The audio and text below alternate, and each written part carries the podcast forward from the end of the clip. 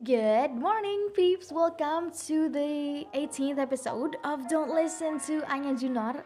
Ini kali ini bener-bener morning. So di di 17 episode sebelumnya aku belum pernah sama sekali ngerekam podcast pagi-pagi. This is literally in the morning. This is setengah dua pagi karena aku nggak bisa tidur dan I don't know I don't wanna waste my time so ya udah kita bikin podcast aja karena mumpung sepi and ternyata menemukan topik yang lumayan menarik. So, selama ini kan aku kalau bikin podcast itu mesti ditulis dulu, dibikin guidelinesnya dan aku juga survei kecil-kecilan buat tahu responnya orang-orang tuh kayak gimana sih soal topik ini sebenarnya lewat Instagram dan juga Twitter. Tapi sekarang ini I don't really do that karena ini bener-bener topik spontan banget.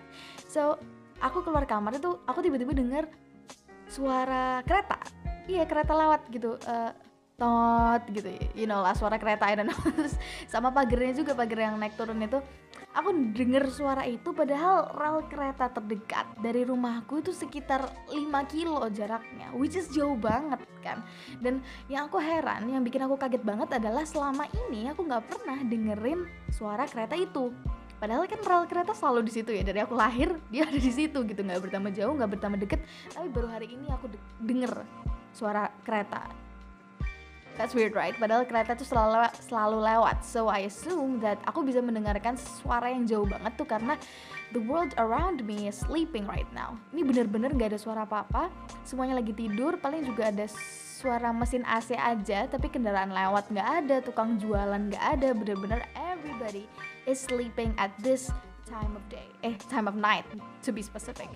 Dan aku bisa dengerin suara kereta yang jauh banget. Dan I wonder kalau misalnya itu diterapkan di kehidupan like you know my social life apakah it would work too? Because kalau misalnya aku nggak fokus nih sama kehidupanku yang sederhana dan mungkin konyol dan stupid dan you know berisi berisi berisi keluhan-keluhan yang sebenarnya not important dan mungkin aku juga nggak menaruh misal aku nggak menaruh fokus sama sambatannya teman-temanku mungkin tentang tugas kuliah atau sambatannya adik-adikku yang habis main game terus kalah atau misalnya orang tua aku bingung mau masak apa buat hari ini gitu. Maybe if I don't focus on the little things maybe I can hear the sounds yang jauh banget sebenarnya dari ling dari lingkunganku gitu. Maybe tentang isu sosial yang berada di luar Indonesia. Maybe tentang isu gender yang I really like to talk about, tapi nggak aku dengar karena I don't really focus there. Padahal aku punya aksesnya yaitu melalui Twitter atau melalui Instagram gitu. So that made me wonder, wow maybe I should keep an eye on the world mulai sekarang gitu supaya aku update aja tentang what's really happening today sekarang juga gitu. Apa kereta apa yang lagi lewat that I missed?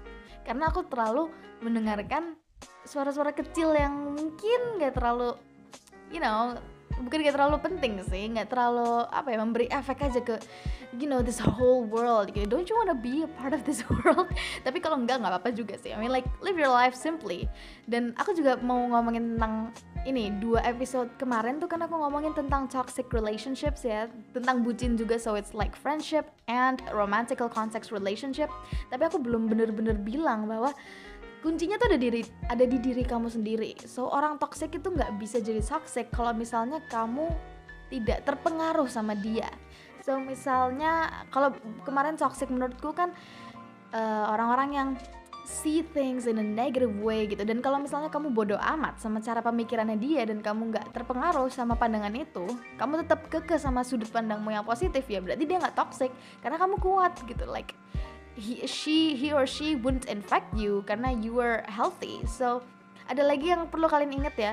You can never heal in the same environment that got you sick. So so ketika kamu uh, mungkin mengalami si efek toxic itu dari seseorang di sekitar kamu mungkin dia ngasih kamu tekanan mungkin dia itu selalu ngerasani orang lain selalu gosip dan segala macam. Pokoknya kamu tahu lah itu efek buruk ya kamu nggak bisa menyembuhkan dirimu sendiri selama kamu masih ada di sekitar dia. So you have to find another circle another healthy environment and it's very okay untuk take care of yourself gitu. Maksudnya gini loh kalau misalnya kamu ngurusin orang lain mikirin orang lain kamu mengeluhkan dia kamu tuh mengeluarkan tenaga dan juga waktu for that person. Sedangkan kamu juga butuh tenaga untuk wak dan waktu untuk diri kamu sendiri. So you need to have space for your heart and your mind and your life kamu harus ngurusin diri kamu sendiri karena orang lain masa ngurusin kamu I mean emang orang lain adalah kamu yang selalu ngurusin orang lain gak sih so you have to love yourself cause like who else would you know So maybe to say stop giving a fuck about other people, especially toxic people. Thank you for listening to this episode.